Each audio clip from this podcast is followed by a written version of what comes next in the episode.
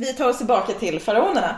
Vi vet att Amenhemnet, Hemenehmet, Amenemhet. Amenemhet. Ja. Jag ber om ursäkt. Det är okej. Vi vet att Amemen,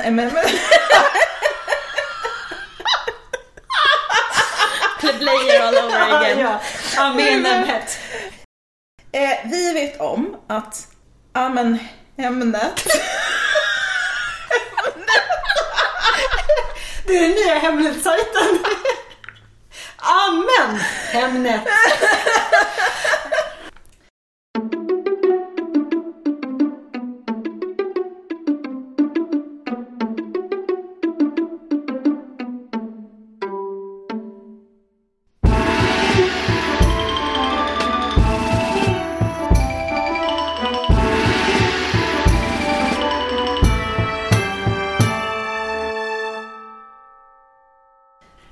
och välkomna till Podius Castus, en podd om antiken. Vi som sitter här idag, det är jag, Hanna. Ja, Emily. och jag Angelica. Och idag ska vi prata om forna Egyptens första kvinnliga farao, Sobek Nefru. Eller var hon egentligen det? Mm, vi ska komma in på det senare, var hon först eller inte. Och det här är faktiskt ett önskeavsnitt. Eh, en av våra lyssnare har önskat det här avsnittet så här är det dig. Så vi lyssnar. Vi hör er. Ja. Och vi levererar. ja, det också. Det också. Yes. Men om, vi, om vi tänker kvinnliga faraoner så här spontant så tänker man väl först och främst kanske på Kleopatra. Men det är ju också en helt annan tidsperiod man rör sig i. Då är vi alltså flera tusen år senare än den, den man kanske också mest tänker på, Hatshepsut. Ja, precis. Kleopatra var ju faktiskt den sista faraon också. Ja. Så, att, så att då är vi ju liksom i slutet på den här jättelånga historien. Ja. Och som, som vi har sagt, jag vet inte hur många gånger vid det här laget, Kleopatra le, levde alltså närmre iPhonen än när pyramiderna byggdes. Ja. Så att- Det är de tidsperspektiven vi har. Ja. Men, men det har ju funnits kvinnliga faraoner. Och alltså vi, om vi pratar Egyptens, forna Egyptens historia, vi pratar ju om ja, drygt 3000 år. Så det är en otroligt lång historia. De har kvinnor som har suttit vid makten, flera stycken, i olika former, i olika omgångar. Men så var det ju inte riktigt i Rom. Och så var det inte riktigt i den grekiska världen. Men det betyder ju inte att Egypten var ett superjämställt samhälle. Nej, det var det ju verkligen inte. Nej, nej. Utan det är nog kanske snarare andra grejer som, som spelar in här varför kvinnorna hamnar på makten. Eh, istället för att man väljer någon, någon annan man. Vi ska väl eh, kanske bena ut det lite sen. på slutet. For sure. Det här avsnittet har ju som huvudperson Sobek Nefru. Yes. Yes. Yes. Eller? Eller Nefru Sobek. Eh, som också kan kallas. Inte eller- alls komplicerat. Nej. Hon har två delar i sitt namn. Sobek och Nefru. Och man kan vända på det. Ja. Det är väl lite trevligt om man skulle istället för Emily Meliem. Ja. ja, det varit något. Ja. Lite Men det är då man bara så här vill kasta sig in i typ någon så här lingvistisk diskussion med huruvida den grammatiska uppdelningen har bla bla. Nej, det ska vi inte.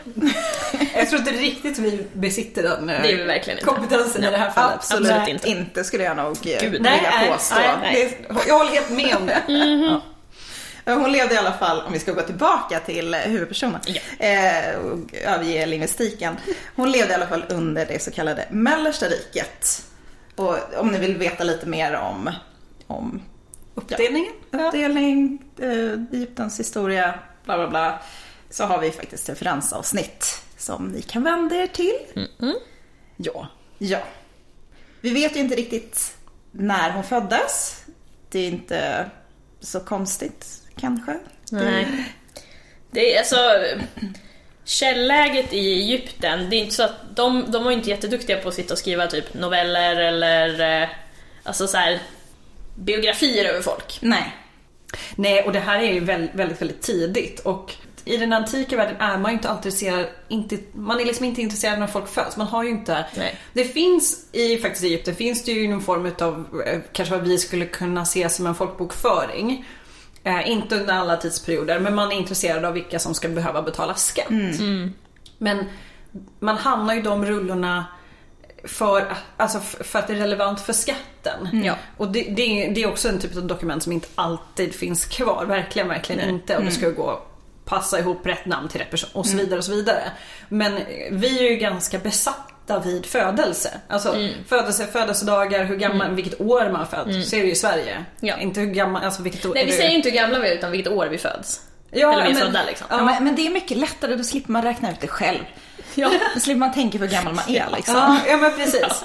Ja men så vet man om man kan ha gått i samma klass eller Ja. parallellklass. Ja, så. Men, men det är ju samma som vi säger i, i vårt eh, avsnitt om kristendomen, att det är inte någon som brydde sig om när Jesus föddes heller. Det, Ja, men- det var irrelevant ganska länge liksom. Ja men för det är ju först när de här personerna har blivit någonting som, som de blir intressanta, eller, eller de kan, intressanta kan de ju ha varit men de, där de gör avtryck liksom, som vi kan se så här många tusen år senare. Ja. Och då är en sån uppgift kanske inte relevant. Nej. Så att, ja.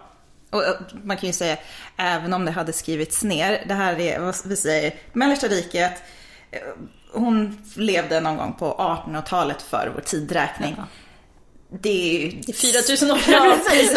Det är ganska länge sedan.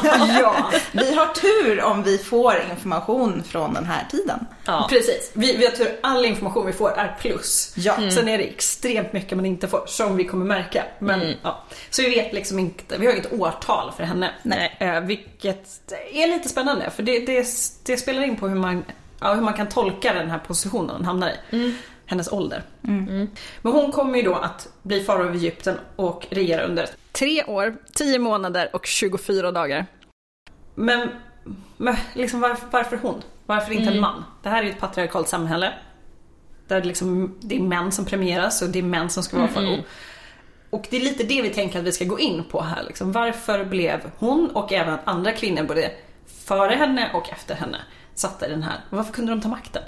För man ser ju inte den parallellen i till exempel romarriket. Det där hade ju aldrig gått. Nej. Nej. Det Och det här är ju också ett patriarkalt samhälle. Så, Ja. att, så att liksom, det är någonting annorlunda som händer här. Ja. Eh, Men liksom, för att komma igång så ska vi börja bena ut det här med mellersta riket, vad som händer och liksom, vi ger lite bakgrund. Tror jag. Det som kallas det mellersta riket, det sträcker sig från ungefär 1991 till 1786. Eh, Det är lite fram och tillbaka sådär, före vår tideräkning. Och det här är då en typ 200 års period. Så det här är en 200 års period för 4000 år sedan. Så, om vi, så här, återigen för perspektivet här. Eh, och när man kommer in i den här perioden, då har man precis kommit ur en ganska så här messy, stökig period. Och så går man, går man in mot en så här, ja, men mer centraliserad makt. Man får börja få ordning på saker liksom. Precis. Eh, Och man har ju Alltså forskare idag, historiker idag har gjort den här uppdelningen. Man levde ju inte under den här perioden bara nu är vi inne i mellersta riket. Nej. Utan det är ju en senare konstruktion. Ja. Och då har man delat in i så kallade riken, första, mellersta, nya. Som man kanske känner igen. Och mellan de här rikena, alltså det är inte fysiska platser, det är tidsperioder. Så har man så kallade mellanperioder.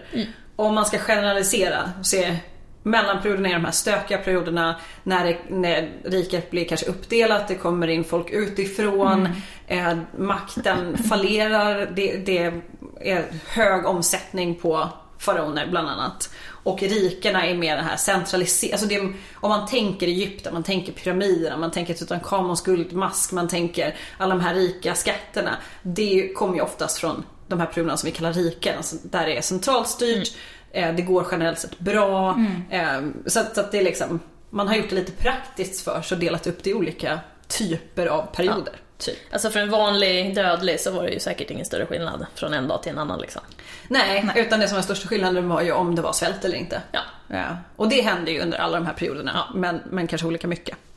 Och när mellersta riket då ska jag säga drar igång, då är det... Ja, men det är verkligen så här. Ja. Man delar ju upp det med så tydliga start och slutpunkter. Ja. Det, som sagt, det märkte man inte när man levde där, men Nej. det är praktiskt för oss idag. Och när man liksom så att säga drar igång den här perioden, då är det en farao som heter Amenemhet den första. Och han är den som enar riket igen. Ja, Det, det känns bara som att han gick upp, han talade till folket bara nu drar vi igång mellersta riket. Who's Alla okej med det? Bra, då kör vi. Då kör vi på det här. Ni, Ja. ja men vi vänder blad, nytt liv, nu ska det bli bra igen. Ja. Super, superpeppig. Han låter såhär yogalärare. kanske var det, kanske var lite den stuket han Ja, körde. men lite faktiskt, för han var ju faktiskt eh, visir, alltså en högt uppsatt rådgivare åt den faraon innan då.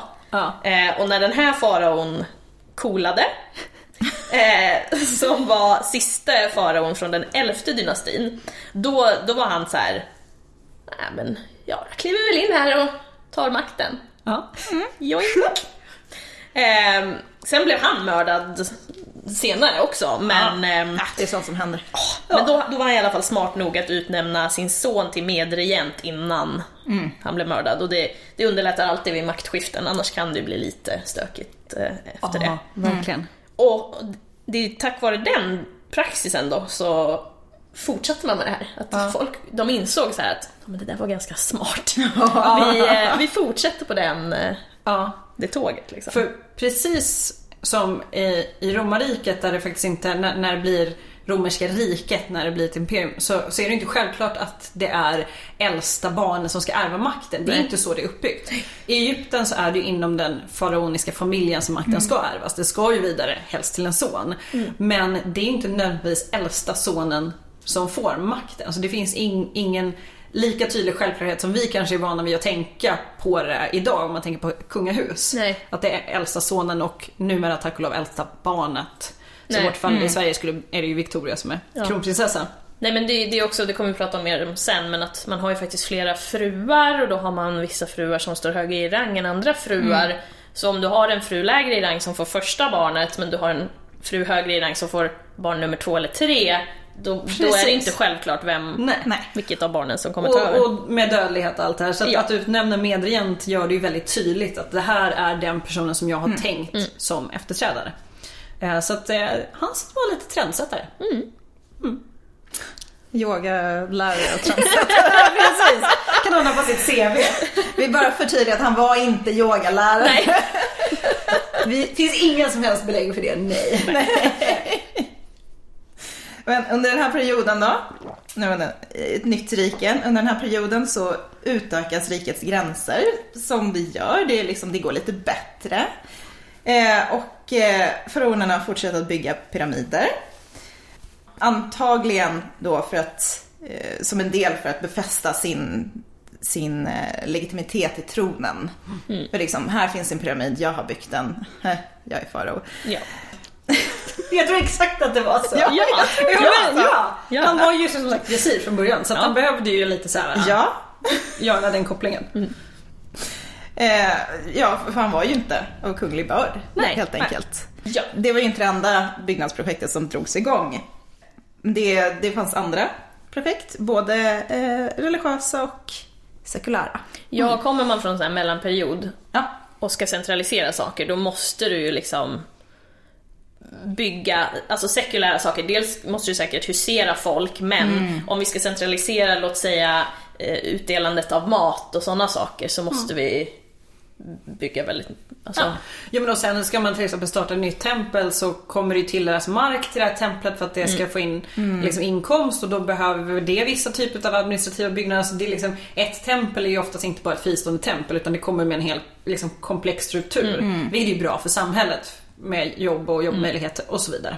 Ja, för det för alla som undrar så finns det ju faktiskt inga som helst historiska, historiska eller arkeologiska belägg för att pyramiden har byggts av slavar. Nej. Det finns det inte. De byggdes av arbetande människor som bodde i närheten av pyramiden med sin familj. Ja. Så, ska vi klargöra det. Det är, fortfarande, men det är väldigt många som fortfarande tror det. Ja, ja men det är jättevanligt. Och det, som det, det är ju, och det här tar vi upp ganska ofta när vi pratar om Egypten. Men det som är väldigt speciellt med Egypten som gör att de kan särskilja sig från många andra riken under antiken, det är ju att de har Nilen. Ja. Nilen svämmar över en gång per år. Den är, om man jämför med andra vattendrag eller floder så är Nilen väldigt, väldigt pålitlig. Det är klart att det händer att det går åt helvete där också. ja, ja. Men generellt sett så går det bra. Det svämmar över och lämnar efter sig massa jättebördigt slam. Alltså som är bara fullt med allting som grödor behöver. Vilket gör att tillväxtperioden om man ska odla där är mycket, mycket kortare och mycket mer effektiv. Men när Nilen svämmar över och det, det är bara vatten överallt, då kan man ju inte jobba på åkern. Nej. Och då är det ungefär typ tre månader. Det är en period där de här människorna kan göra annat. Till exempel då bygga på de här stora byggnadskomplexen. Och det vet man att de gjorde. Ja. Så, att, så att det, det, liksom, det här är ju speciellt om man tittar på andra platser under antiken. De hade ju inte den, det såg inte ut så. De hade Nej. helt andra liksom, förutsättningar. Ja, man, men typ Grekland och Rom, alltså man odlade ju under mycket längre perioder. Det Och man man hade ju. inte de här tydliga, alltså där den, typ en hel population mer eller mindre var fri att göra någonting annat. Nej. Så, så att det såg liksom annorlunda ut. Men uh, ja, under det här mellanriket så ja, börjar man ju se lite lystet efter sina grannar. Men gräset är alltid grönare på andra sidan. Ja. ja då. Och Nubien låg till, eller söder om eh, forna Egypten och de, det här var inte så lätt för dem alla gånger. Alltså Egypten var på dem hela tiden, även under den här perioden. Så man koloniserar Nubien och det var ju en väldigt viktig både handelspartner eh, och en källa till väldigt mycket exotiska material. Alltså Nubien var bra att ha. Och det, liksom, det var inte så att det här var en så här superfredlig process. Hej, vi vill ha er nu.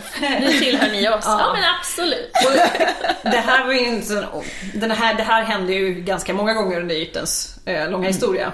Och vissa gånger så gick det mer fredligt till och andra inte. Men det är klart att det kan inte varit så superenkelt alla gånger. Men det gör ju att det går ännu bättre för den här perioden för att man, man kan liksom ta in Nubien, man får alla de här exotiska materialen, är jättebra handels... Man får bättre handelsposition. Så det, det är tummen upp på det tyckte de. Och man eh, ska ju inte tro, och det har vi väl tagit upp flera gånger också, där just det med handel, att det, det är inte isolerat till någon liten plats direkt, utan man handlar ganska långt, vitt och brett. Eh, och under den här tiden så har man faktiskt, alltså från den här tiden har man hittat minoisk keramik i Egypten. Och om ni vill veta mer om minoerna så har vi ett referensavsnitt om Grekland. Där vi pratar lite om det. Kan du inte Ehm, bara säga vad det är någonstans? Ge oss en, en, en bild. Minoiska riket. Eller Mi- Minoisk keramik, var vi, kommer då det är ifrån? där vi i Grekland, Kreta. Ja, precis. vi. Ja, Yes. för de som inte kan det sådär i Ja. bakhuvudet. Ja men precis, det är inte helt lätt. Och det, den perioden, det är ju det, alla perioder heter ju inte samma i, på alla geografiska platser. Nej. Så att det, det kallas för den äldre palatstiden då. då. Och, och då, Knossos känner kanske de flesta till, palatset. eh, Precis, så om man gör den kopplingen, då är Ja. man rätt. Ja, Ja, så. Ja. Men verkligen. Och det pratar vi också om i referensavsnittet, men många av de här palatskomplexen, och det, det, det var också så här en period i Grekland på flera ställen där det var centraliserat, ganska rikt palats, och sen vet vi inte exakt hur de här palatsen såg ut, men det är väl det bästa ordet vi har för att beskriva den men här typen av byggnader. Ja men lite så faktiskt, vi ska, inte Ja. tänka, vi ska inte tänka att det är värsta slottet, utan Nej. Nej. Ja, men Men det är mer flera plats- små byggnader Ja. eh, som sitter ihop, eller vad man nu ska säga. Ja, Som det är ganska har- stora ja. byggnader absolut, men det är mer praktiskt än... Det kanske var flådigt också. Nej, men jag tänker, Absolut. det ser ut som en stor byggnad men det är liksom Ja. flera mindre, Ja, ja. små kanske var dåligt beskrivet, Ja. men, men mindre men byggnader precis. som sitter ihop. Alltså det, det finns ju en anledning till att folk tror att det, de trodde att det var en, en labyrint. Ja, ja, precis. Men verkligen. Eh, och, så att de här följs ju åt lite grann, de här tidsperioderna. Ja. Så. Men eh, de här palatskomplexen förstörs också så småningom. Och det är jordbävningar och Vi, vi tar influenser från andra ställen och ja, Vi krig har och... faktiskt ett avsnitt om det. Jo. Ja, och bronsåldersavsnittet. Precis. Ja, om ni vill veta mer om det. Men, men det, det gör ju att den här keramiken som man har hittat i Egypten är ju ganska lätt att datera och koppla till liksom de här andra kulturerna. För, att, för att där finns det liksom en ganska tydlig gräns på när de försvinner. Så att man, det är ganska lätt att se. Det är väldigt tacksamt faktiskt, för listar man ut någonting på ett ställe så kan man applicera det på ett annat ställe. Ja men precis, så det är ganska, ganska bra. Så vi, vi pratar om ett, liksom, eh, ett handelsnät som är väldigt, väldigt stort över den här perioden. Och Egypten blir ju, ja men det blir det här, den här stora enade maktspelaren igen. De blir liksom Egypten med stort Det är ju E ganska fort ändå alltså, Ja, måste jag ju säga. Alltså det går ganska fort, mellan de här liksom perioderna som man pratar om så går det oftast ganska fort. Det svänger ganska snabbt. Så det är klart att, som sagt, personerna som levde under den här tiden tänkte inte på det så. Men helt plötsligt så börjar det gå bra igen. Eh, och det kan ju, ofta hänger det också ihop med sådana saker som till exempel naturkatastrofer. Och de kan ju hända långt bort och sen ändå påverka Alltså en, en jordbävning där det blir väldigt, väldigt mycket aska i atmosfären som blå, alltså kan, kan ju ta sig ganska långt och påverka hur mycket sol man Menar får på du sin åker. vulkanutbrott? Eh, ja.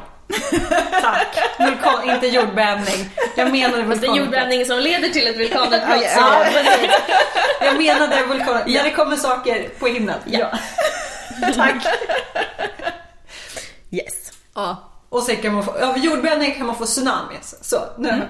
Ja, men bra, då har vi hela cirkeln är alla. Ja, många trevliga saker som aldrig inträffar i Sverige. Nej. Säg inte så nu, nu har du jinxat det. Tsunami i kört. Östersjön. Gotland är borta. För sig om ryssarna fortsätter att bli så är Gotland snart borta. Ah, Anyway, om vi rör oss några år framåt från det här Enandet. enandet 1991, före vår tideräkning, Ja. så rör vi oss till 1878. Då blir en människa, eller en man, som hette Senusret. Senusret? Senusrätt? Jag vet inte. Senusret? Senusret? Senusret? Jag skulle, jag skulle Senusret säga att han var människa, men så kom jag på att han är ju gud. That is true.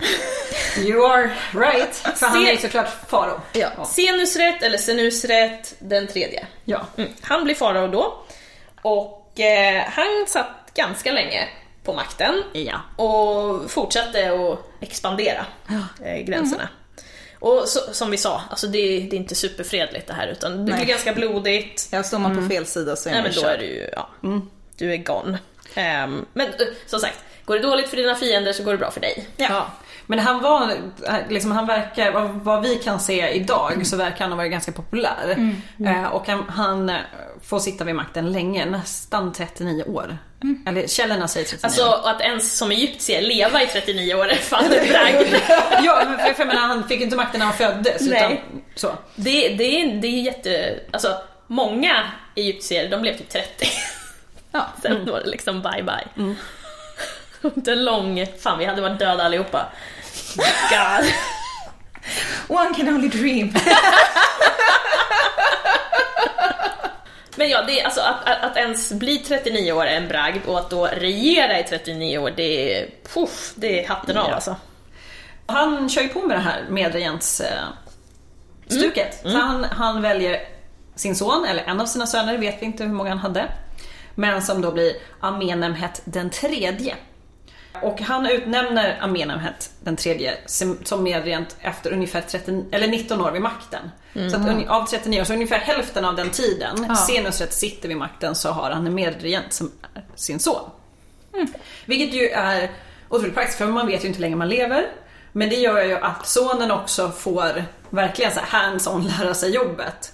Det är klart att, att det kan man ju säkert göra på, alltså även om man inte är medregent så liksom är man utsedd till den som ska bli efterträdaren så lär man ha fått ganska goda kunskaper. Men han kan ju verkligen hands-on skaffa sig erfarenhet. Han kan ju agera i den rollen ganska, alltså ganska tidigt och skapa sig personliga diplomatiska kontakter till exempel. Ja, Så det lär ju ha varit liksom ett plus.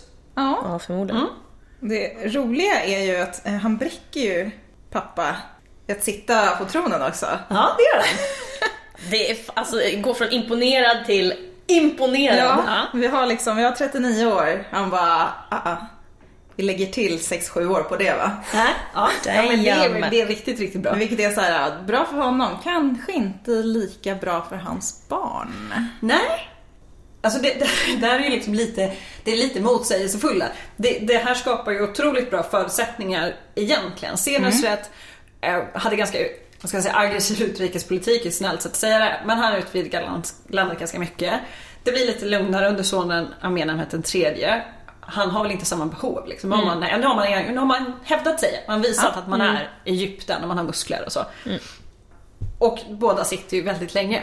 Ett problem generellt sett i Egypten om man har en farao som sitter för länge är ju att han kanske inte har några barn som kan ta över honom längre. De har dött. För de har, ja, för de har dött.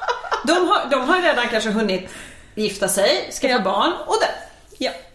Och det är liksom, då kan det ju finnas något barnbarn, men det här kan reellt bli ett problem. Vilket, vilket känns ju så bakvänt. Men det är ju för att man, man helt enkelt inte... Nej men systemet är ju byggt på att du ska leva i dina 30 år, that's it. Ja men, ja, men lite så. Eh, För att det ska ju tilläggas, det är tror jag en av om man inte kan så jättemycket så, så brukar de flesta veta att farao, eh, faraonerna körde väldigt mycket på incest. De bara yay incest, kul, ring med din syster. Det var inte bara det de gjorde. De, Emily nämnde de hade oftast flera fruar. Ja. De hade, vissa tror att haremet kunde bestå av flera hundra. Oh my god. Det är Jag ett vet- heltidsjobb bara det. Eller hur? Jag, jag vet, jag har aldrig stött på någonstans där, där liksom man kan bekräfta det i källorna. Hur många fruar det skulle vara. För att det är det är, det är inte alltid de här fruarna är relevant att ta med i den typen av material vi Nej. får till oss idag. Utan de hamnar oftast, de syns oftast i materialet om de är huvudfrun, alltså den viktigaste hustrun, hustru nummer ett, first lady liksom. Men det är bara en. Eller de har en annan framstående roll rent religiöst. De kanske är prästinna, något viktigt tempel. Eller de föder det barnet som sen tar plats. Och ännu krångligare för oss är ju att söner syns typ aldrig. Alltså, det här är det här tycker jag är jättefascinerande för det är så otroligt ovanligt. Om man, om man tittar på till exempel Europas historia, om man, om man, det är mycket det man lärde sig i skolan. Så är det så här, man har fattat att det var jätteviktigt att det skulle födas en son. Ja. Och en kvinna som inte kunde föda en son var liksom dålig. Ja. Fast man idag vet att det är spermien som avgör vilka kromosomer det blir. Så det är männen som är dåliga. De borde ha fattat det, men det gjorde de inte. Nej. Men liksom, och det var jätteviktigt och var en son så blev det ett stort firande. Hallabaloo. Men i Egypten så är sönerna i princip osynliga fram tills det att de blir utmärkta för att de ska ha makten. Det är spännande. Medan döttrarna kan få synas. Så att det, det som idag kan framstå för oss som att de bara fick flickor behöver inte stämma. Men vilket gör det ju helt jävla omöjligt ibland att hänga med i turerna. Liksom. Mm. Var det så att han hade tio söner som alla dog? Eh, eller, eller liksom vad hände? Det vet inte. Ja, det blir lite stökigt ibland. Men sitter man för länge på makten så kan det bli svårt. Och det blir det ju i det här fallet också. Ja. En lång, lång rant om det. Men...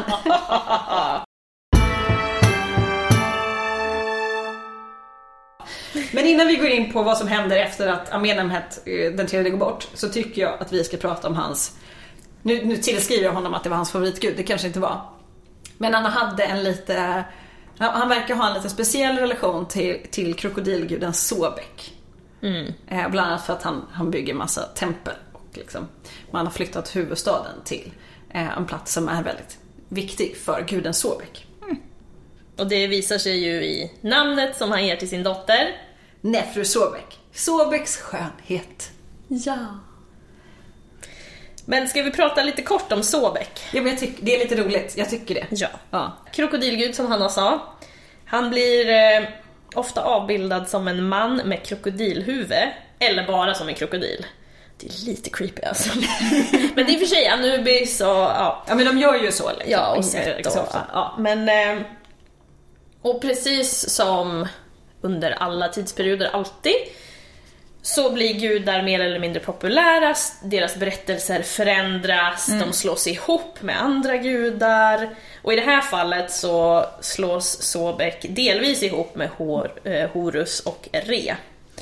Och han blir faktiskt, han blir lite viktigare under Mellersta riket, det kanske är tack vare då Ja, kan ju vara tack vare det här. Ja, det är liksom, ehm, att han blir, lite, han blir väldigt beskyddande i sin roll eh, som gud. Och det kanske i och för sig inte är så konstigt att man just väljer en krokodil, alltså de är ganska så här. Alltså, fierce. fierce och kraftfulla och liksom, fan läskiga också. men, men lite, det är ju liksom en dinosaurie som är livslevande, alltså så. Men han är då starkt förknippad med just faraonisk makt och fertilitet, militär förmåga men också då alla de här delarna beskyddare. Och det kan man ju tänka sig, förutom om man tänker bort den här delen med faraonisk makt, men fertilitet och militär förmåga kan man ju tänka sig alltså direkt kopplat och även beskyddande mot hur man ser att krokodiler beter sig. De är ju eh, alltså, ja men valfri liksom, naturdokumentär med en krokodil när de går till anfall, det är liksom ingen lek. Nej. Men, men de skyddar ju sina barn också. Ja, Även precis. fast de lägger ägg. Liksom. Ja, jo, men för de, en sån sak är ju bland annat att de, de eh, tar sina små krokodilbebisar och lägger dem i munnen eller så har de dem på ryggen när de ska frakta dem, när Ja. de ska flytta på dem. Det är gulligt. Ja, det är Alltså ganska gulligt. krokodilbebisar är ju Ja. adorable.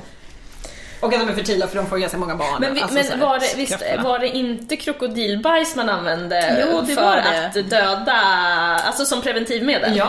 Jag tänkte alltså, använder man under den här tiden? Det är Ja. intressant. Alltså, alltså de, de, eh, flera av de källorna som tar upp krokodilbajs är ju från, alltså är ju så här tidiga. Ja. Och det, man har ju faktiskt li- liksom med modern teknik kollat på bland annat krokodilbajs, jag tror även elefantbajs, men det ska jag låta säga osagt.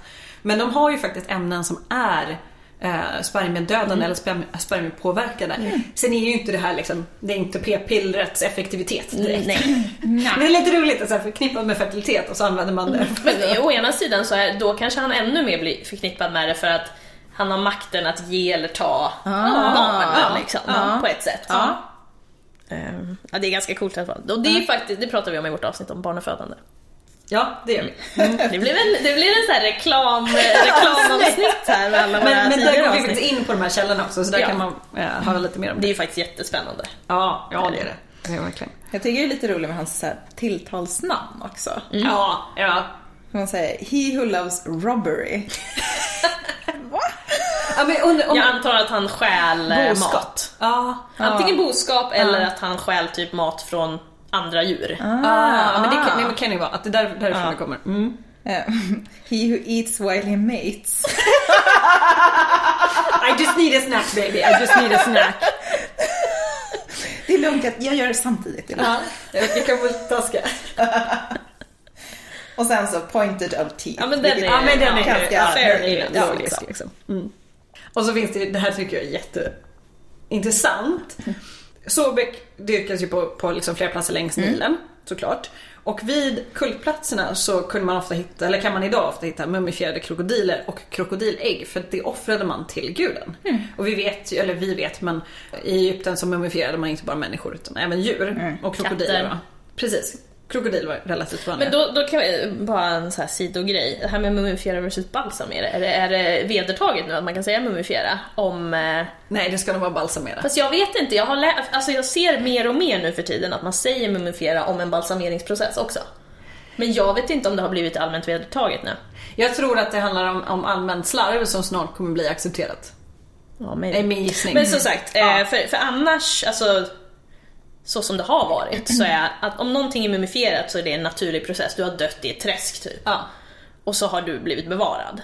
Medan en balsamering är en medveten process där du går igenom de här stegen för att bevara en kropp. Det här kan ju komma från engelskan som man pratar om mummies.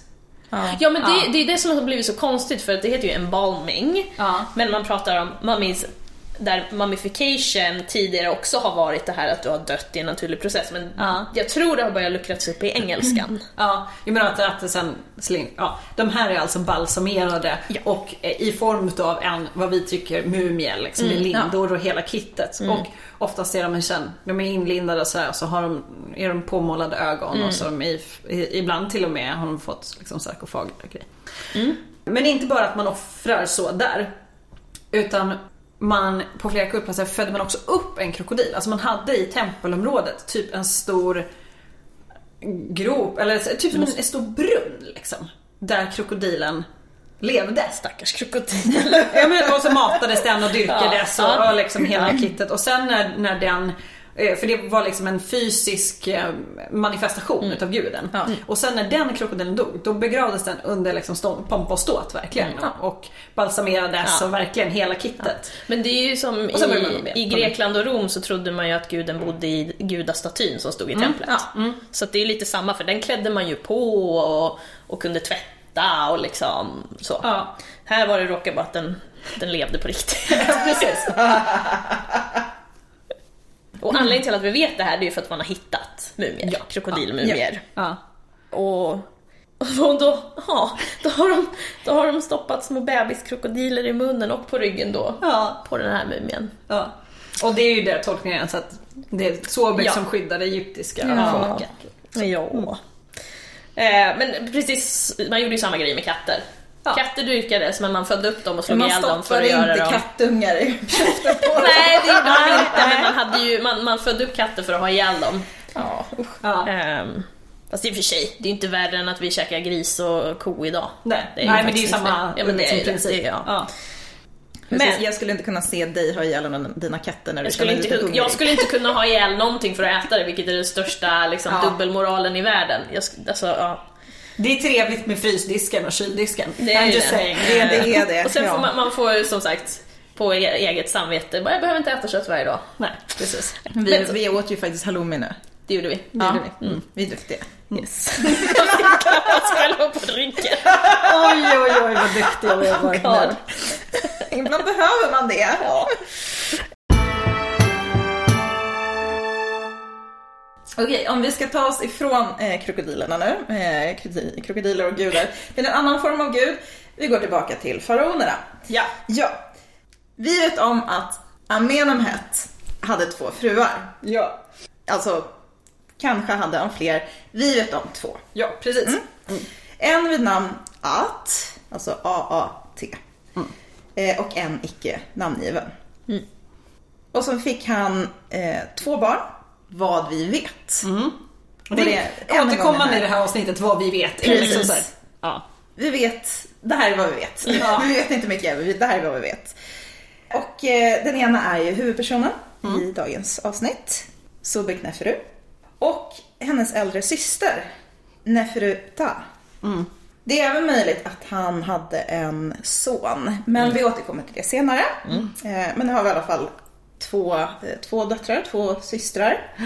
Och eh, då är det lite så här, aha men om det här är vår huvudperson, liksom, om hon är så här lilla syster. Vad händer då med stora syster? Precis. Ja. Och Neferuta, eller Tas skönhet, mycket vackert namn. Men, ja, men det är också lite tema då på de här två döttrarnas namn. De är väldigt sköna, Ja. vackra. Ja. Snygga helt enkelt. Ja, det är det viktigaste med kvinnor, det vet vi. Ja, Sen, ja, ja. sen, det är sen gammalt. Så är det alltid. Men det spännande med henne är att det brukar oftast framhållas, eller hon brukar ofta framhållas som den som var tänkt att ta över efter sin far. Och det är eftersom man har funnit hennes namn i en kartusch. Precis. Och vad är en kartusch? Kanske vi ska... kartusch? Ja, det kanske vi ska gå in på. Ja. Det är ju en, det är en hieroglyf. Om man tänker sig en, en avrundad rektangel eller en, en oval, oftast stående, och så är det en, en horisontell liten, lite streck under som, en liten, som den står på. Liksom. Och i den står faraons namn. Och den här då liksom kartuschen, alltså den, och ovalen med den här strecket under, den ska ha haft liksom någon, vi tror att den har någon form utav liksom beskyddande effekt. Och användes så tidigt som i fjärde dynastin, vi är ju framme i tolfte dynastin nu, så den har använts länge för att signalera faraonisk makt i Egypten. Och oftast, om man, om man till exempel man gräver i Egypten, man hittar en ny grav, vilket händer ganska ofta. Man hittar en sarkofag. Hittar man en kartusch på den med ett namn i, då signalerar ju det att det här är en person av kunglig börd. Och till och med kanske en farao. Alltså, så, att, så att det här är liksom, det är något man letar efter. Eh, en tydlig indikator på att det är något lite speciellt med det här. Och då har vi ju hittat, eller vi, Man har arkeologer, hittat. jag har hittat eh, en kartusch med hennes namn i. Precis. Men det som alltid händer, händer. Hon dör. Ja. Som sagt, pappa styrde ju i 45 Fem, 45-46 år någonstans. Ja. Då hinner hon både... Ja, hennes barn hinner nästan dö också. Nej, Ja, Garanterat ja. Det skulle jag säga. typ. Hennes grav är ju hittad. Det är coolt. Det är coolt, det är lite spännande. Eh, Med en del fina föremål och en sarkofag. Eh, Och det, det var ju den här graven man hittade den här kartuschen i. Då. Eh, ingen mumie dock. Lite Det är tråkigt. intressant. Ja. På sarkofagen hittade man eh, guldfolierade inskriptioner. Och eh, man har även hittat såna här inskriptioner, det är spännande, Ja. på Hatshepsuts sarkofag. Och det är ungefär 300 år senare. Ja, de är identiska. Det är coolt också. Och det som är lite spännande, man har egentligen faktiskt hittat två gravar för Ne- Neferupta. För det här är lite liksom så här interesting. Först verkar hon ha begravts med sin far, eller i sin fars grav. För hon, Det här är också svårt med tidslinjen. Man vet inte om hon dog före eller efter eller typ samtidigt. Alltså det är lite oklart riktigt när saker och ting. Men hon verkar ha varit gravsatt med sin far för att hennes grav inte riktigt var färdig. Men sen kommer faktiskt Sobek Nefra att flytta sin syster till en egen grav. Och man har alltså hittat föremål på båda platserna. Och där man då hittade på den, vad ska jag säga, slutgiltiga platsen. Där var, i den här sarkofagen så var den som jag förstod det väldigt vattenskadad. Det måste ha kommit in vatten på något sätt. Så att man tror att det kanske har funnits en mumie där. Eller kan ha funnits. Jag tror till och med man hittar spår utav någonting som skulle kunna vara mänskliga kvarlevor. Men det finns inte kvar. Eller så har man plockat ut den och så har det blivit något, ja, man Ja. vet liksom inte riktigt Nej. vad som har hänt. För att det har vi pratat om i andra avsnitt men eh, många gånger så har man flyttat på mumier efteråt. Man har liksom flyttat om dem för att skydda dem mot eh, till exempel grav, gravplundrare. Ja. Och så. Ja, men det är ändå, och det är egentligen tack vare de här gravföremålen som man vet att hon har existerat. Ja. Alltså, det, är Jo, jo, liksom, absolut. Ja, det är verkligen såhär, ah, hon fanns. Ja. Typ så. Och som vi precis sa, man vet ju väldigt lite om folk om man inte hittar deras gravar vid den här tiden. Ja, Ja. typ. Så att om vi pratar om Sobek Nefru så, ja, men då vet vi typ inget om hennes barndom. Alltså väldigt, Nej. väldigt lite. Ja. Och så, som sagt, vi vet inte helt vem mamman var. Det kan ha varit att, men ja, spekulationer. Ja. Och ofta så vet, om, om man ska ve- om att skulle ha varit mamman så, så borde det ha stått vid hennes namn. Ja, Mamma till far, alltså så. Vilket, alltså, ja, det här blir verkligen så här, det, det här är ett pussel som man lägger med baksidan upp och man har typ en tredjedel av bitarna. Det är Ja. typ där vi är för att få ihop information. nej men verkligen. Det, men som sagt, pappan hade ju, alltså, han hade fler fruar. Vi vet om två, förmodligen fler. Ja. Det är förmodligen fler syskon som rumlar runt där Ja, och ja. springer omkring. Ja. Springer Det, det, det, barn, ja, men det är så här, man tänker på ett hord barn som springer Ja, omkring. ja, ja.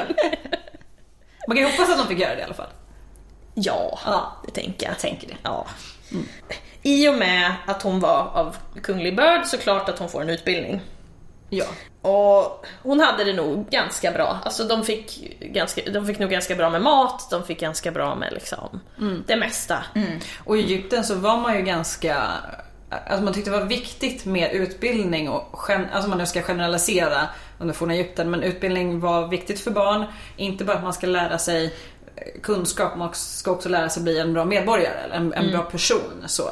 Och att även flickor fick utbildning. Sen skiljer det sig i, i, i vissa saker får inte flickor lära sig på samma sätt. Men, Och sen också, eh, som sagt man använder flickor som eh, att, att knyta politiska band med andra. Ja, ja. Så då måste ju fl- flickan vara välutbildad också. ja, precis. Men alltså, som, som vi sa precis så är det så här, ja man trodde ju då att, att stora syster skulle ha varit medregent eller tagit över då efter pappa. Men... ehm, Och, och som sagt eftersom vi har det här eh, incesten då, då så hade det väl inte varit helt orimligt att hon eh, skulle gift sig då med pappa. Mm, precis. Och, eftersom att, och dessutom med tanke på att han satt så länge så, så hade man nästan förväntat sig att Neferupta gifte sig med sin pappa. Mm. Och till och med även kanske Sobek Nefru borde ha gjort det. Ja. Men det finns inget som tyder på det. Eller vi har inte hittat något som Nej. visar på det. Nej, så att, o, men oavsett om hon var tilltänkt eller inte så hade hon ju en, en viktig position. Ja. Som, Ja. vi, som vi precis sa det här med att man kan bli bortgift med, med and, och knyta politiska band med andra viktiga personer. Eller med en bror. Eller en annan blivande. Alltså, you know. Chanserna, eller Ja, men just att man legitimerar makt. Om Ja. man behöver en annan manlig person så kan man legitimera hans rätt till makt genom att gifta honom med en flicka av faraos ja. blod och kött, vad säger man? Ja, Av kropp. Liksom. Ja. men verkligen. Sen har hon förmodligen också haft en religiös roll. Och... Men det är ju återigen, alltså allting kopplas ju till att ja, du är faraos dotter liksom. Mm. Det, det är inte mer komplicerat än så. Det är liksom, ja du är gudomlig. Det är liksom, Ja, sköt om, sköt om det här. Liksom så. varsågod. Men sen, sen är hon ju kvinna också så att det har ju säkert varit en del kvinnogöra med i det hela, typ att väva eller liksom sådana saker. Och, det, och det, om vi, när vi säger kvinnogöra, då menar vi alltså det där, det där fick du muskler av alltså. Det Ja, var ja. ingen liksom lätt uppgift där. Nej, alltså dina händer fick, Ja. alltså, du- greppstyrkan på de kvinnorna alltså. Och alltså, det här är ju något som man, man, man försöker liksom forska kring de här faraoniska harem, men det är ganska svårt. Alltså det är svårt att hitta information om det. Men, men man tror att det skulle fungera som en i princip en självförsörjande enhet. Alltså det tillhörde ju landområden och mark och så. Men att man, som sagt, de skulle då producera. Och då handlar det inte om att det ska vara så här, okej man ska ha vävt eh, ett litet tyg för att man ska ha gjort det utan det ska ju, det ska ju vara av hög kvalitet för det ska ju matcha din sociala status. Och det kräver ju, det är ju liksom inte enkelt. Nej. Eh, idag om man har maskinspunnen tråd så är den slät. Oftast. Det, du kan få B-tråd som är med klumpar. Men jag menar, om man har ordnat testat det. Om man har till exempel man har ull, eh, så man sitter och så sätter man en sån här liten jag vet inte om det är det som, ja, den här lilla tyngden. Ska, man, ska man försöka få den jämn? Det är skitsvårt. Ja. Alltså det, är, det, är liksom, det kräver lite skill. Och sen om det, jag tänker om det typ, nu kanske inte de hade just lin och sånt men det är också så här karda och hålla på och... Ja, häckla lin är skittufft. Eh, är så att, så att ehm, Det är hårt arbete. det är hårt arbete. Det är lite som det här med innan vi fick tvättmaskiner. Ja. Det är hårt jäkla arbete Ja. alltså. Och också att det borde ha varit vissa liksom, kvalitetskrav. Mm. Så, att, så att det var nog inte något man sa, okej, man, man ska ha gjort det för att ha gjort det. Utan det förväntas nog ligga någon viss liksom, kvalitetsstämpel på det. Mm. För det är inte så att man väver lite och så ger man bort det till de fattiga. Utan det här ska ju, alltså man ska ju visa på den här perfekta, grumliga faraoniska Mm. familjen. Att de är ju lite bättre än alla andra och de kan lite bättre än alla. Verkligen. Men som sagt, hennes syster dör, hennes pappa dör. Okej, maktskifte. Nu behöver vi en ny farao. Och då, när Amenhet, Amenemhet den tredje, det är så jobbigt, vi har ju ett gäng Amenemhets och sen så har vi de mer välkända Amenhoteps. Ja. Det är lite rörigt. Ja. Men vi får föra på Amenemhet den tredje. När han går bort så verkar det som att det finns en medregent, Amenemhet den fjärde. Nu kommer vi verkligen in i det här området hon det en bror då alltså? nu kommer vi in i ja, det här läget som är så här. What the... Liksom okej, helt plötsligt. Alltså så här, nu blir det väldigt, väldigt luddigt. För här finns det 7000 olika teorier och varianter. Men det verkar som att det fanns en medregent. En nummer fyra. Och det är han som tar makten. Och han kommer nog troligen att gifta sig med Solbrik-Nefru. Nu säger jag troligen. För det här är också, beroende på vem man vänder sig till, vilken forskare man vänder sig till, så är det självklart. Det här är, det här är två syskon. Hel eller halvsyskon vet man inte, men det är två syskon som gifter sig. Så. Det är jättebra för då håller man ihop makten i den här familjen. Ja, super. Eh, andra så bara, ja, nej, han var nog helt utomstående och gifte in sig med henne för att få legitimitet. Eller flera så här, gifter de sig? Nej, det finns inget som tyder på det. Så det här är liksom, det är inte orimligt att tro att han var en son och gifte sig med sin syster eller halvsyster. För det vet vi händer.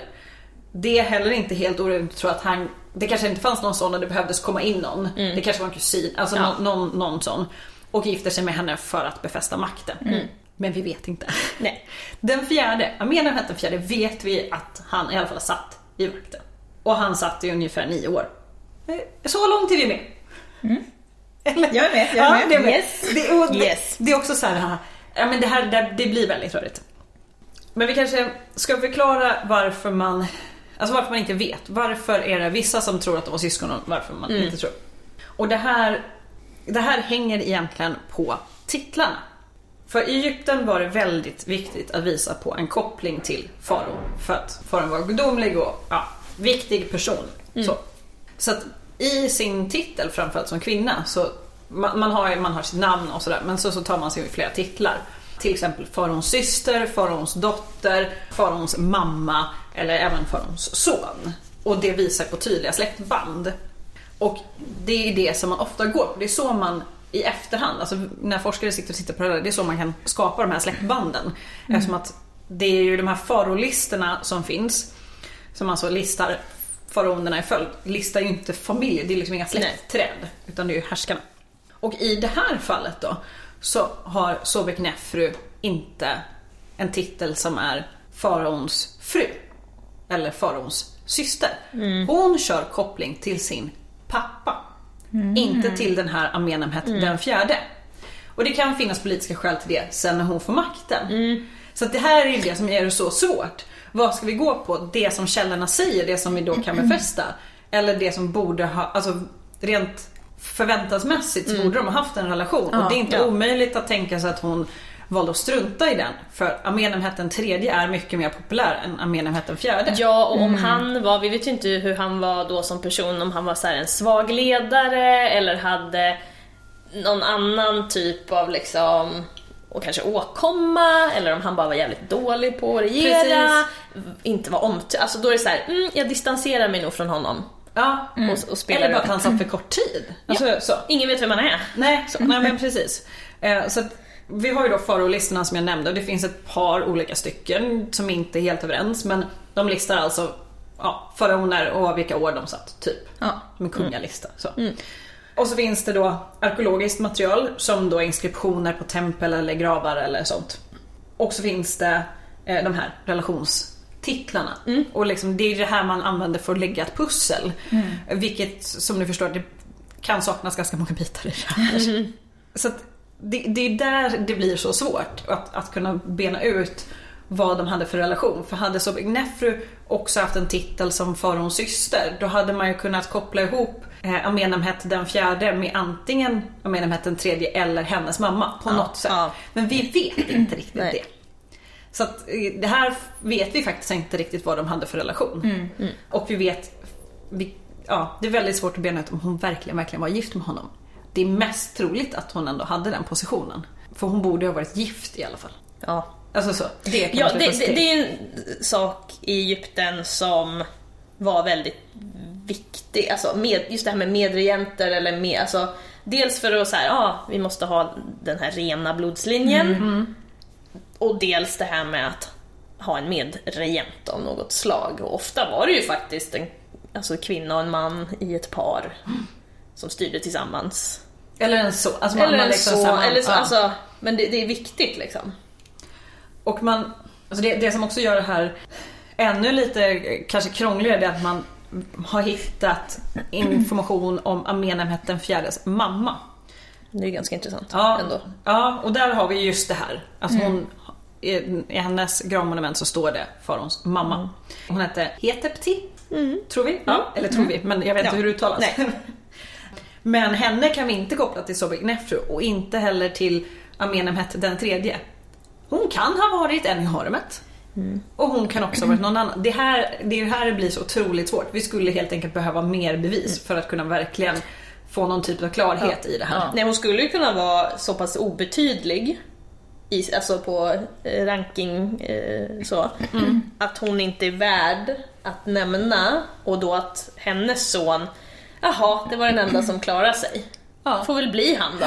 Och sen så ett eller, en eller annan anledning till att det inte blev så långvarigt för honom, då är det ju klart att hon inte vill kopplas ihop med honom utan med sin pappa istället. Ja. Och den här mamman, eh, Hetepti, hon, det som också gör det ett problem, det är att säga att hon var en fru i det här harmet, kanske till och med en syster och fru. Men så fort hon blir faraos mamma, då trumfar det de andra titlarna och då kan hon välja att ta bort dem och Ja. bara ha faraos mamma. Ja. Och eftersom att vi bara hittat en inskription, eller vi, men, men arkeologerna har bara hittat en inskription. Man har liksom inte inskriptioner över tioårsperiod där man kan se en sån förändring. Nej. Så vet vi inte. Nej. Så att bara för att det är faraos mamma betyder inte att det inte har varit någonting annat. Ni förstår, det är rörigt. Ja. Det, det, det är svårt. Men Amenemhet den fjärde, han satt som sagt ungefär nio år innan han Det är kom bort. ändå... Alltså, Alltså inte Nej. lika imponerande som två innan. Nej, nej, det är det inte, Nej, men, men det är inte nio år är dåligt inte- ändå. Nej, det är det inte. Det, det, är, liksom, det, det är verkligen inte så här tio månader eh, Nej, eller nej. något. nej nio år, är, det är ju nio år. Men det finns inget som tyder på att han har fått några barn som kan ta över. Varken med Sobek Nefru, om de var ett par, eller med någon annan. Det är också så här årtionden av incest. Ja. Ja. Det är ett mirakel att de ens får barn, jag säga. Ja, ja jo, men, jo men faktiskt. Och man kan ju tänka sig, alltså vi, vi vet ju hur det funkar med incest. Vi vet varför, eller varför det inte funkar ska jag säga. Vi kan det här med DNA och så. Men det kunde man inte då. Men man var fullt medveten om att det inte var någon höjdare. Och det har man ju, alltså om man tittar i mänsklighetens historia, så länge vi kan se kulturella uttryck, så de flesta kulturer har ju något form av tabu mot incest. Ja. Vi är kanske lite striktare med det än vad man har varit. Länge har ju kusingifte varit tillåtet. Det är något som man kanske inte uppmuntrar i så många Nej. kulturer idag. Men, men, sådär, men me- mellan helsyskon har ju, det har ju oftast varit tabulagt. Vi diskuterade lite grann i avsnittet om Arsino och den andra. Ja. ja. Men, så att, så att man, liksom, man måste ju ha kunnat se det här. Man måste ju kunnat se att de barnen som föds i harumet mellan syskon föds med, med till exempel gomspalt eller, eller liksom, också att helt plötsligt ser man att det, det blir inte lika många barn. De här barnen mår inte lika bra. Mm. Ja. Vad heter han? Är det spanska kungen? Ja, Vad heter ehm, han? Som knappt kan äta eller prata Men jag såg, jag såg en video om, eh, om eh, eh, det var någon som hade kollat på, eller forskare kollat Ja. på alla de här, eh, alla eh, porträtten inom den här familjen och det var, de kunde se liksom Mm. hur hakan, det var verkligen så genetisk åkomma Ja. som flera av de här personerna hade.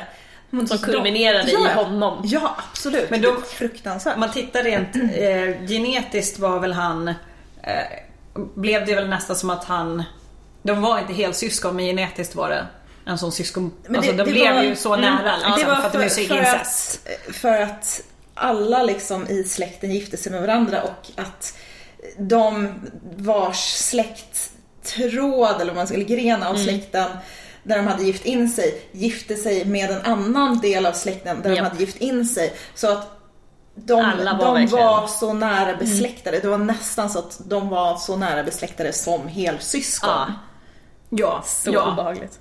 Men han kunde ju knappt prata. Nej. Efter lite googling så hittar vi honom, Karl II av Spanien. Även känd som den Habsburgska hakan. Ja, Just det. Där man kan se. Exakt, Mm. så det. Så, att, så att, alltså man var ju även under Egypten måste man ha varit medveten om att det Ja, för, incest vi, vi, inte för sen har vi ju de här, liksom. de här deformerade skallarna som man har diskuterat om det är att man försökte linda dem så att de skulle vara deformerade eller om det var ett släktdrag. Ja. Ja, men, men det var ju viktigt att hålla det till den här kungliga linjen. Men också av ekonomiska skäl. Alltså gifter du bort dotter, du behöver en hemgift. Eh, Det kommer in en svärson eh, som, som eh, har intressen. Som kan vara lite besvärlig. Men också det här det är en av forskarna som, som har skrivit mycket om kvinnliga faraoner som tar upp det som argument, vilket är ganska intressant tycker jag.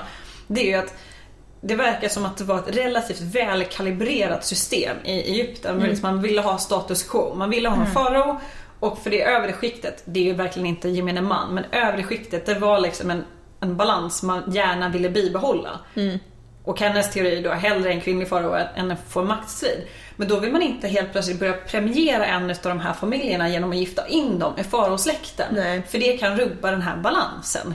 Och det är också ytterligare ett argument att hålla det här inom familjen. Det finns Men då får du faktiskt... problem. Ja men det är också men sen finns det ju faktiskt en anledning till att Ja, man, man, typ i romarriket, när man gifter bort en dotter så byter hon familj. Ja. Hon är inte en del av sin familj längre, utan Nej. hon är en del av sin mans familj.